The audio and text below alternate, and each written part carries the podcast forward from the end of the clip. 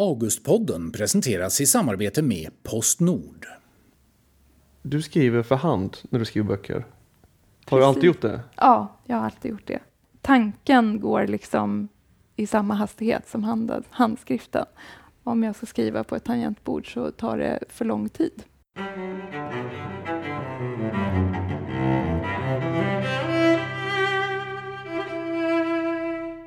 I det bleka höstljuset i ett hus vid Karlaplan i Stockholm så möts två August-nominerade författare nu. Här bor Anders Rydell. Han har skrivit en fackbokstriller om nazisternas konststölder. Varför konsten stals och vart den tog vägen. I Plundrarna. Och så Kristina Sandberg. Hon är nominerad till priset för sin sista bok i trilogin om den kämpande, strävande hemmafrun Maj i Örnsköldsvik. I liv till varje pris. Hej Anders.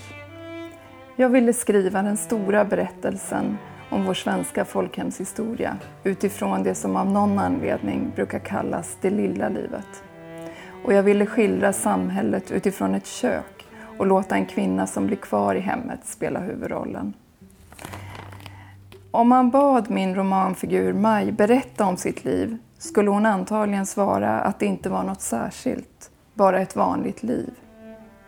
Därför finns en påstridig berättare där som säger Maj, vi skriver om allt i din tids påbud och normer inte tillät dig att tala om. Du behöver inte heller vara en förebild, en hjältinna. Men din jäktade, flämtande andhämtning ska få ta plats över boksidorna. Man måste inte heller älska dig, Maj, men låta dig finnas till. Eh, ja, välkommen hit Kristina. Tack så Hem till mig. Ja. Eh, när jag läste den här boken så funderade jag ganska mycket på Folkhemmet är ju någonting som har en mest mytisk ställning idag och det är liksom något som kommer tillbaka hela tiden. Och, eh, varför ville du skriva en, en bok om den här tiden? Ja, alltså jag ville ju skriva om hemmafrun och husmodern. Alltså kvinnan som blir kvar i hemmet och i köket. Eh, för att allt mitt skrivande har någon slags feministisk utgångspunkt sen jag debuterade. Eh, men jag måste liksom hitta i mig själv vad det var som var utmanande för mig och farligt för mig. Och då var det mer utmanande att skildra en kvinna som gör det förväntade och önskvärda och se vad jag kunde berätta om samhället utifrån henne än att skriva om kvinnan som bryter sig loss och, och revolterar mot normerna och Mm. påbuden. Också för att med lite tidsperspektiv eh, så tror jag att man kan få syn på att de här normerna och påbuden, bruset kallar jag det, som vi lyssnar till hela tiden när vi ska bli människor i ett samhälle, de finns idag också. Och vi, jag tror att det finns mycket vi lyder idag, men vi ser det inte riktigt. Det blir tydligare att se att Maj, eh, jag börjar ju följa Maj redan på 30-talet, att hon liksom lyder det här husmorsidealet och det kvinnoidealet. Och man kan bli frustrerad och tycka att men herregud, kan hon inte önska sig något annat? Kan hon inte, kan hon inte höja rösten? Kan hon inte protestera? Men då har man, liksom, då har man tagit vår tids glasögon och tittat på henne istället för att liksom kliva ner i hennes kropp, Mm. Mm. i hennes värld. Mm. Ehm, och sen så tycker jag att visst har folkhemmet skildrats mycket, men Jag- inte, jag- Kvinnans, inte kvinnans liv. Så. Nej, jag menar mer att det inte att det skildrats kanske utan att det även inom till exempel politiken kommer tillbaka. Det är någonting som vi längtar tillbaka till Mm. och det är någonting som beskrivs som en så här, ett väldigt idealiskt ljus. Och Mm. idag har det till och med börjat användas av Sverigedemokraterna. Det finns Mm. inget parti som använder folkhemmet mer. Nej, Men eh, i din skildring, det är ju inte en särskilt ljus bild nej. av det här. det Det är är, ju inte. väldigt mycket ångest. Väldigt moraliskt hårt reglerat samhälle. Eh, det finns ju inga ideal, tycker jag, att längta tillbaka till. nej, nej, men inte på det sättet. Alltså det finns ju en Ett väldigt instängt samhälle på många Ja. sätt. det fanns ju tanke om omsorg om människor. Men den omsorgen skulle ju utföras av några. Och det var ofta kvinnorna som skulle utföra åtminstone hemmets omsorg. Mm. Så, och, och det är klart att den här uppdelningen mellan kvinnor och män som var så tydlig på Mm. 30 och 40 och 50-tal. 50-talet blir det ju, kulminerade ju. Mm. Eh, Mm. att, eh, att kvinnan liksom nästan bara kan vara den här moderliga eh, kvinnan i köket. Mm. Liksom. Det finns ju någonting våldsamt i det i och med Mm. att det blir så tydliga gränser. Mm. Jag undrar lite vad du har för själv för förhållande till Maj för att hon är en väldigt svår person att tycka om. Ja. Ja, tycker jag. Eh, och eh, jag kommer från en, en, en uppväxt där jag liksom känner kvinnor som Maj och jag har också vuxit upp med flera mammor eller så här, som har Klara maj-tendenser. Ja men eh, kan man säga generationen efter Maj som har deltidsarbetande Mm. men är hemma kanske. mm, Min mamma födde fyra barn på raken så att hon var hemma liksom ett decennium nästan. Mm. Så att jag, och jag, när, jag tänk, när jag läste din bok så kom jag på mig själv med att jag alltid känt eh, eh, något slags förakt för den här kvinnan. Mm. Och eh, som jag kände redan när jag var, eh, och det är just den här eh, maniska eh, relationen till att st- städa, plocka undan, att alltid vara liksom servera på något sätt. Mm. Det är, det är någonting väldigt så här, obekvämt med det och det Mm. märker man ju att Maj har ju också problem med för att hon har ju någonting hon gör ju någonting som egentligen aldrig på riktigt uppskattas. Mm. Det finns ingen status i det, inte ens i hemmet, inte ens Nej. ens barn uppskattar det på riktigt utan man tar det väldigt mycket för givet. Ja. Vilket ska, det, det är ju en väldigt onaturlig roll i en familj på något sätt, Mm. mm. hemmafru-rollen. Mm. Jo, men på ett sätt är det, är det ju någonting onaturligt, men då, om man ska använda det ordet. Men det är också någonting som tas så för givet att det bara ska finnas där, så att det märks först när det saknas. Man brukar säga det att, att mödrar liksom brukar få berättelser först när de brister, när de inte lyckas leva upp till det goda moderskapet. Då blir det liksom intressant. För att fäderna och männen har alltid haft en annan rörelse ut från hemmet och Mm. kunnat liksom, de har ju inte varit tvungna att stanna där. I min tredje roman skildrar jag en kvinna liksom på 70-talet som lämnar hemmet i en Mm. depression, i en djup depression. Men hon väckte ändå mycket hos vissa läsare att så där får inte en kvinna, en mamma göra. En mamma får inte lämna sina barn. Och så tänker jag att men jag har läst mängder av skildringar av fäder som inte ens nämner sina barn, som inte finns för sina barn, Mm. som försvinner från sina barn. Mm. Och det som har varit min största upptäckt med att skriva trilogin, eftersom jag följer liksom husmorstanken från långt tidigare, det är ju att men de här kvinnorna, din, din mamma eller de som kom i generationen efter som gjorde, höll på med det här städandet och plockandet, det var verkligen ett påbud från samhället. Mm. Alltså det var att göra det, det goda, det rätta, det riktiga. För det fanns tankar att om man bara skapar det goda hemmet, Mm. det rena, fina hemmet. Det här är ju liksom i kontrast till slummen kan man säga, till Mm. de trånga lägenheterna där man måste ha alltså inneboende för att Mm. kunna klara hyran. Mm. Det fanns bara dass på gården, alltså slaskhink och så. Så skapar man det här goda hemmet, kanske två rum och kök med diskbänk. Och i det här rena hemmet, i vardagsrummet, i finrummet, där skulle mannen kunna få sitta i fåtöljen och vila. Och om kvinnan bara skapar det här hemmet, då kanske han inte var på krogen och söp. Mm. Så att det kom mängder av skrifter som var rena rama hotbilderna. Eh, vad som kunde vänta kvinnorna om de inte ständigt plockade, Mm. ständigt städade. För den här smutsen, den var liksom, det var ett samhällskaos Mm. som hotade. Det återkommer hela tiden hennes äckelkänslor för smutsen Ja. och att hon ser smutsen överallt. Och, Och, men det måste man också sätta i perspektiv till att TBC har varit en fin sjukdom, en lite poetisk sjukdom vid, vid liksom slutet av 1800-talet. Men ju längre in på 1900-talet man kommer, desto mer blir det en, en liksom fattigdomssjukdom. mm. Och det tror man ju också med de här teorierna, att, att ja, men om, vi, om, vi bara, om vi bara har hygien, om vi lär oss att tvätta händerna, om vi lär oss eh, tvätta väggar och golv och så, då kan vi kanske hålla TBC borta kan Ja. hålla sjukdomar borta. Så att det fanns ju liksom ett enormt moraliskt imperativ till kvinnorna som liksom nedärvs.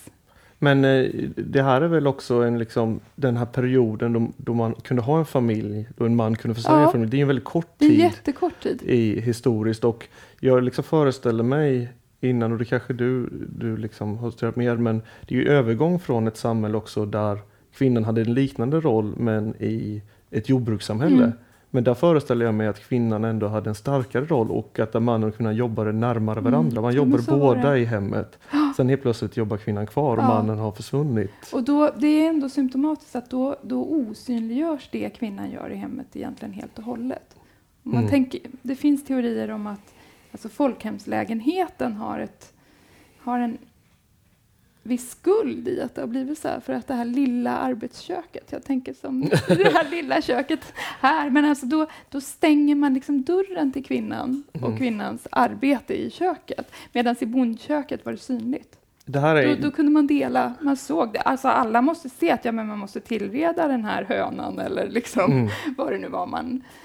Alltså allt, mm. allt, allt blod och all smuts var synligt liksom. Sen kommer den här stora rörelsen att det ska inte synas, det ska Mm. inte få finnas. Mm.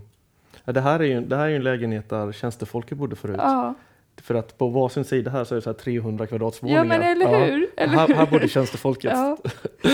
Ja, men att, det, eh, eh, men det, det jag tycker är så intressant eh, i boken och som återkommer hela tiden det är nästan ritualiseringen kring sysslorna också. mm, Eh, särskilt det här eh, ständiga bakandet. mm, det, jag, jag tror liksom att det har ju också, det, det finns ju något väldigt djupt det kanske har också väldigt mycket med vår liksom, kristna historia och brödets betydelse och sådär. Och att det är så vi, man sörjer för sin familj genom att Mm. baka. Eh, och jag tänkte på en, jag känner en, en bagare och han berättar för mig att det har ju hänt någonting idag med liksom att manlig, manlighetsrollen förändras. Liksom. Mm. Och att eh, han, och han bakar, han är så lite surdegs eh, profil. mm. Och det- kommer liksom unga män till honom som har liksom småbarn och sådär och visar upp sina surdegar Mm, som om de vore små barn. mm, Eh, och då, då liksom, han beskrev också att det är nästan liksom så här, de vill ha bekräftelse för att det här de har gjort är vackert och att Mm. och det är på något sätt också ett sätt att sörja för sin familj. Jag tänker så här, Absolut. brödet har en så djup betydelse och här är ju liksom i nästan varje kapitel är det kakor och Ja, bröd. men kaka. Jo, men, och det är ju också för att det, det är en sån... Kakorna blir en sån kvinnovärld eh, för att kafferepet blir möjligt i och med ugnens intåg och att det blir lite mer jämlik ekonomi i samhället så att fler har råd att baka. Eh, liksom, tidigare var det kanske bara till jul och midsommar och var man liksom fattig hade man ju inte råd med ingredienser och så men man kanske hade råd att baka någonting i alla fall. Sockret måste ju vara Ja, också. sockret naturligtvis. Och, och, men överhuvudtaget ingredienser och så. Men sen blir ju kafferepet en social arena för kvinnor. Mm. Med väldigt mycket regler också, hur Mm. de ska gå till. Mm. Så Maj kan ju då få trösta sig med att läsa en sån här bok att om, om man kommer nyinflyttad till en stad så måste man ta reda på hur många sorter det är som gäller. Och är det tolv sorter så bakar man tolv sorter. Men det finns ju också den hela den här serien tävlan också. Mm. Mot alla andra som är lite Mm. bättre eller Ja. Konkurrensen mot Ja. svärmödrar. Och, Maja är ju en klassresenär. Hon har ju inte det självklart med sig. Det är ju det är någonting man får veta mycket om i första delen i att föda ett barn. Alltså det är ju det är ju en slump att hon och Thomas eh, liksom kommer att leva tillsammans för att hon blir med barn. Det är ju Mm, den liksom mm. stora existentiella händelsen som förändrar hela hennes liv. mm, Eh, men hon gör ju också en klassresa.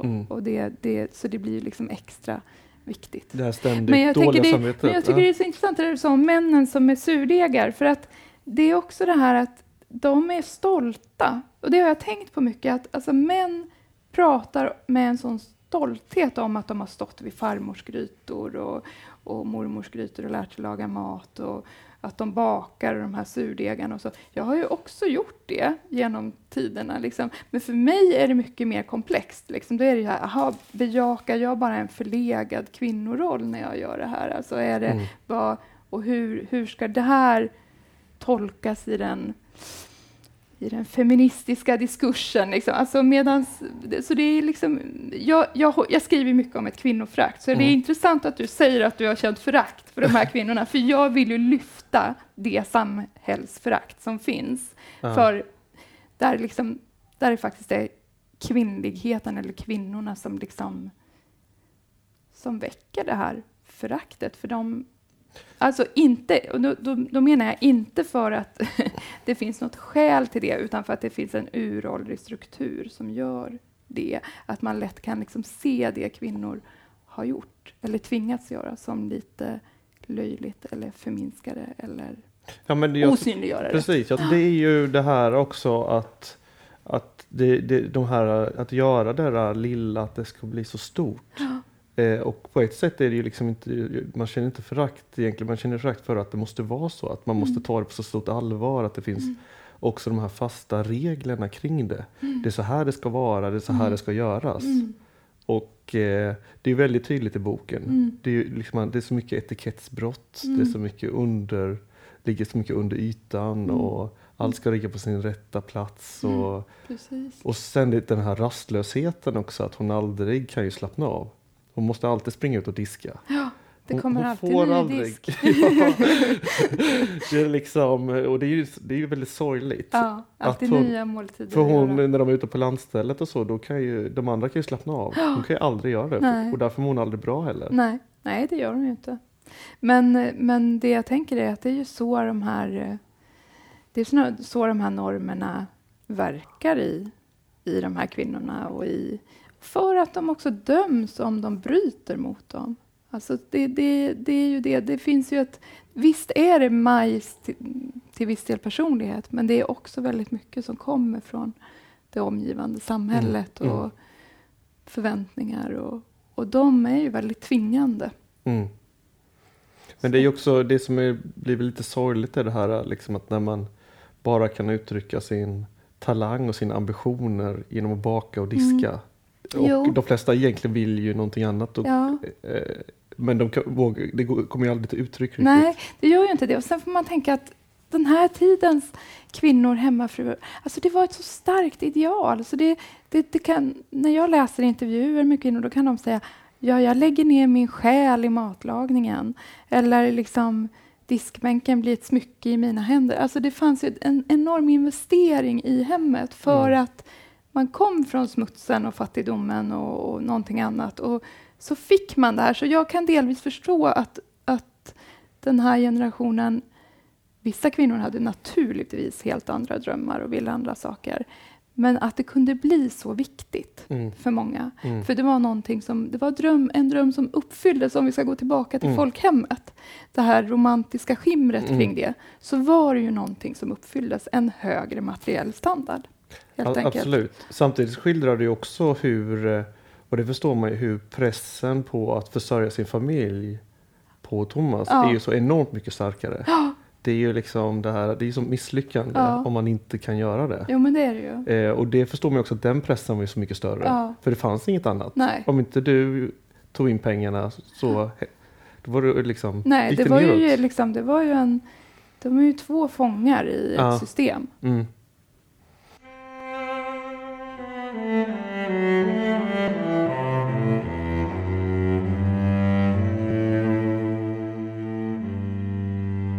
Skriver för hand när du skriver böcker. Har Precis. du alltid gjort det? Ja, jag har alltid gjort det. Ja. Eh, och för mig är det så att det är, tanken går liksom i samma hastighet som hand, handskriften. Om jag ska skriva på ett tangentbord så tar det för lång tid. Eh, det går snabbare för mig att skriva för hand. Mm. Och jag är i kontakt med någonting när jag skriver för hand. Så att det är liksom en rytm eller en språklig klang. Och alltså att se, eller liksom att känna orden mot pappret. Och jag vill gärna ha en speciell penna också. Sånt där tyckte jag var lite fånigt eh, när jag var yngre. Att man skulle ha så ritualer för att kunna skriva. Men jag, jag gillar bäst ett par pennor från Biltema som är svarta. Och det är tunn spets och det är flödigt. så. Okej. Okay. Så gör jag. Ja, jag för... Men hur gör du när du Nej, skriver? Men för mig skulle det gå alldeles för långsamt att skriva för hand. Ja. Plus att jag kan inte läsa min egen skrivstil. Nej. Nej. Så att jag, jag, jag, jag skriver på datorn. Ja. Men eh, det, det viktiga för mig också att hela tiden kunna eh, redigera Mm. texten. Mm. Att hela tiden kunna ändra om den så att det liksom att skriva på papper skulle liksom inte, då, då skulle den processen inte kunna gå. Nej, Och det är antar att för dig kommer den när du renskriver det sen på en dator. ja, Eh, ja, men det gör det. eh, men jag, för när man skriver text då flyttar man hela tiden. Så det är liksom, skrivandet är inte rakt utan Nej. det är liksom är som en rullar fram och tillbaka hela tiden. Om, man klipper och flyttar. Och jag är alltid, jag skriver alltid så också att jag måste ha allt tidigare färdigskrivet. Jag kan inte ha ofärdigt här uppe. Nej, Jag skriver från början till slut.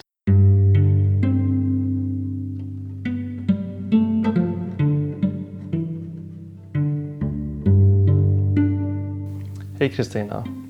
Man brukar säga att konsten och kulturen gör oss till bättre människor.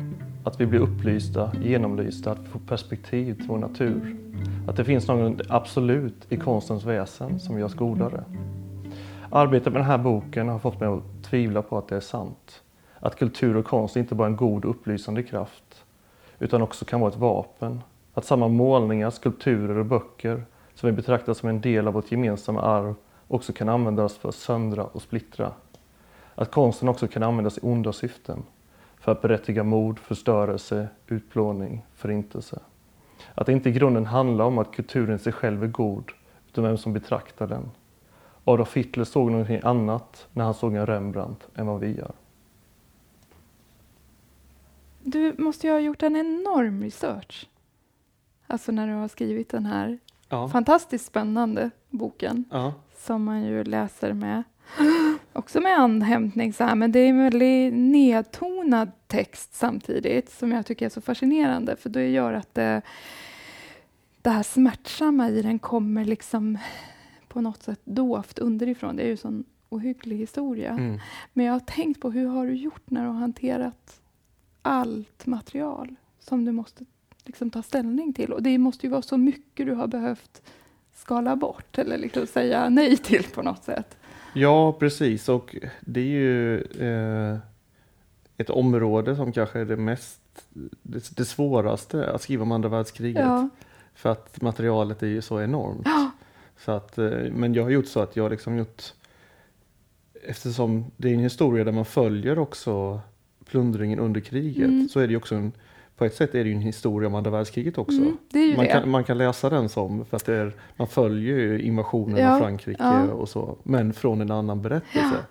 Det Så- tyckte jag väldigt mycket om, för jag tyckte jag liksom fick eh, en liten repetition av andra världskriget. Jag kan ju liksom själv då känna att den här enorma andra världskriget-litteraturen som mm. finns, den, den blir lätt övermäktig alltså, för Mm. att det, det skrivs så enormt mycket. Så det här, jag tycker det är en otroligt bra alltså idéhistorisk bakgrund också till, ja, men till nazismen och till vem...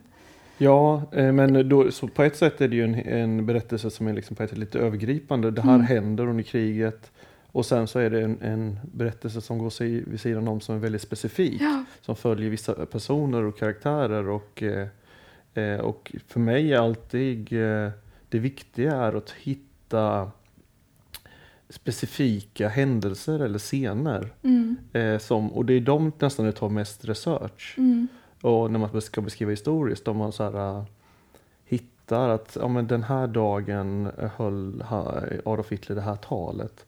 Det, det svåra och det som tar längst tid är ju så här, äh, vad var det för väder den här dagen? Vilka stod i publiken? Mm. Då får man gå och leta efter fotografier och titta. Och så här, det kan ta tre timmar att ta reda på att det var halvmolnigt. mm. Eh, men, men den detaljen är också någonting som skänker en, eh, det blir eh, en, en bättre scen och Ja. är mer intressant att läsa. Eh, Jag tänker att det är den stora skillnaden. Det är en stor frihet man har som skönlitteratur. Jag kan alltid säga att det här är ett mytologiskt Örnsköldsvik. Om någon försöker säga till mig att det, det där stämmer inte riktigt. Nej, men Nej. det här är ju en romanvärld. Så. Det kan man ju inte göra i, i en sån här dokumentär eh, skildring som en på, på samma sätt. nej, det kan man inte. Men det, Hur, hur förhåller du dig till det? Kan du känna lust att, att liksom få, få dikta? Ja, på ett sätt så när man, alltid, när man alltid gestaltar en historisk händelse så är det ju alltid dikt Ja, på något sätt. Det är det ju. Men man måste ju ha, man har ju gränser man håller sig inom. Mm. Men för mig är det mer en, en, en jag, blir, jag letar liksom efter händelser eller scener som på något sätt kan symbolisera något större. Mm.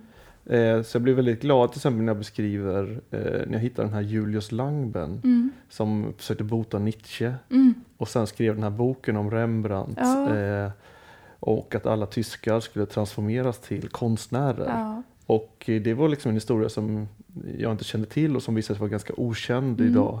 Och då, den blir, då blir den så himla, eh, det är sådana grejer man letar Ja, efter. ja. För att det ger någonting annat och då kommer man också ifrån den här eh, vanliga krig, krigshistorien Mm. också. Precis. Eh, mm. Det som också slår mig väldigt mycket när jag läser den här, är- och så har jag tänkt på, tror du konsten i en liksom, krigskonflikt idag skulle kunna få lika stor betydelse som den hade?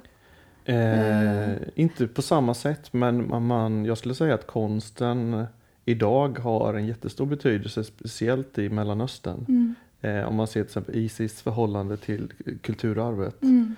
Eh, och det är ju egentligen samma sätt att se på historia. Att Mm. vi ska utradera en del, det som inte är den islamistiska historien Mm. och därför förstör man successivt det, det eh, kulturarv som Mm. finns där. Mm. Så att det är klart att kulturen har fortfarande en roll men på det här sättet som eh, nazisterna hade, deras förhållande till kultur och konst skulle jag säga är, är unikt. Mm. På det sättet att i andra diktaturer så är konsten och kulturen ofta, det är ofta propaganda. Mm. Man använder den i ett väldigt tydligt syfte, till exempel som i Sovjetunionen. Mm.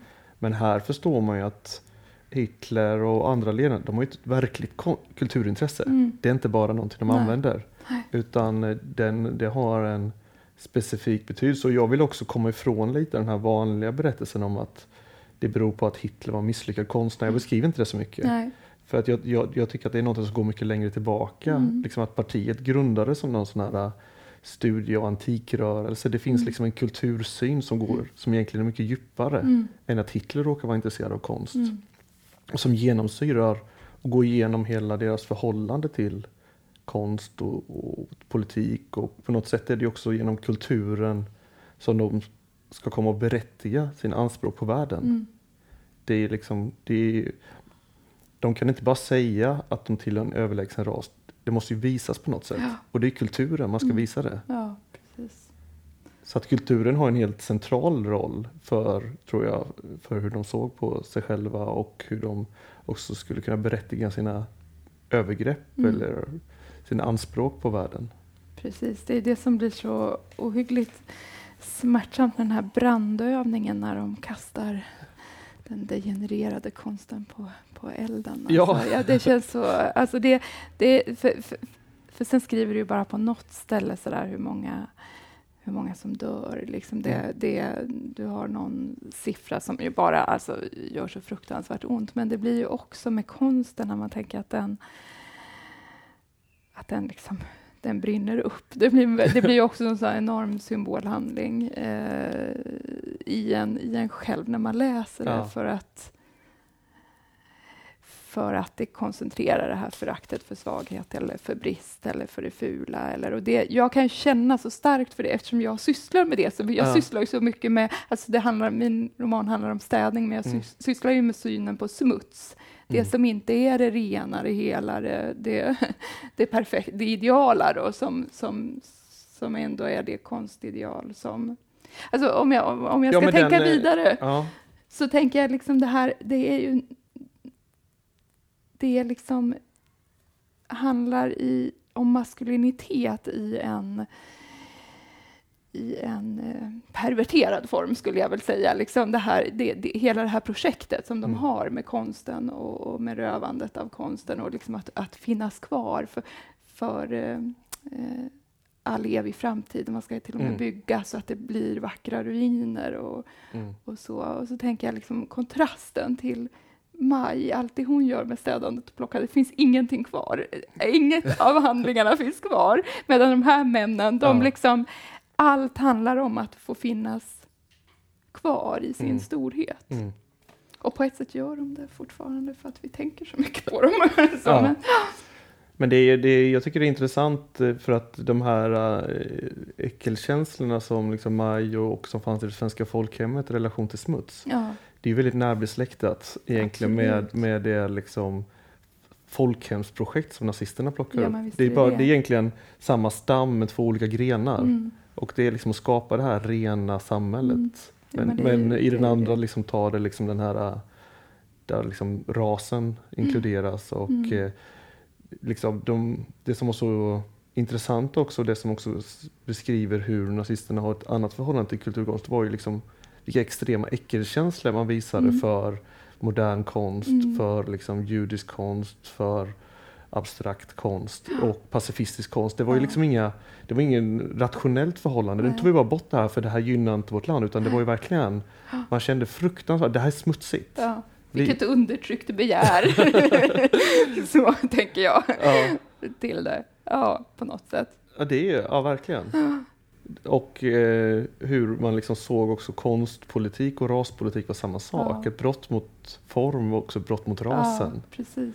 Eh, Ja, det är oerhört fascinerande att läsa om. Liksom, att få det så tydligt som man får i, i, i din bok. Ja, men man, jämförde direkt bilder på utvecklingsstörda och Ja. Picasso-målningar. Och så, det här är Ja. en degeneration, det är någonting smutsigt som vi måste rensa bort liksom, Ja. för att eh, för att kunna skapa en vackra, det är också det så här, deras, deras liksom mål var ju att skapa en vackrare värld. Mm. Och det är det jag menar lite när jag, eh, som jag menar lite i mitt brev där, att Mm. liksom det här eh, syftet att skapa skönhet kan Mm. också vara en väldigt farlig idé. Mm. Verkligen. Eh, Verkligen. det kanske är en av de absolut farligaste idéerna. Mm.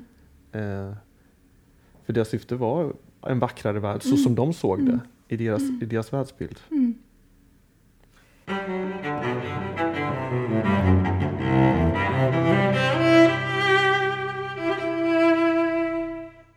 Augustpodden produceras av Fascinera för Svenska Förläggareföreningen. Producenter är Inga Ramsten och Lisa Mattsson.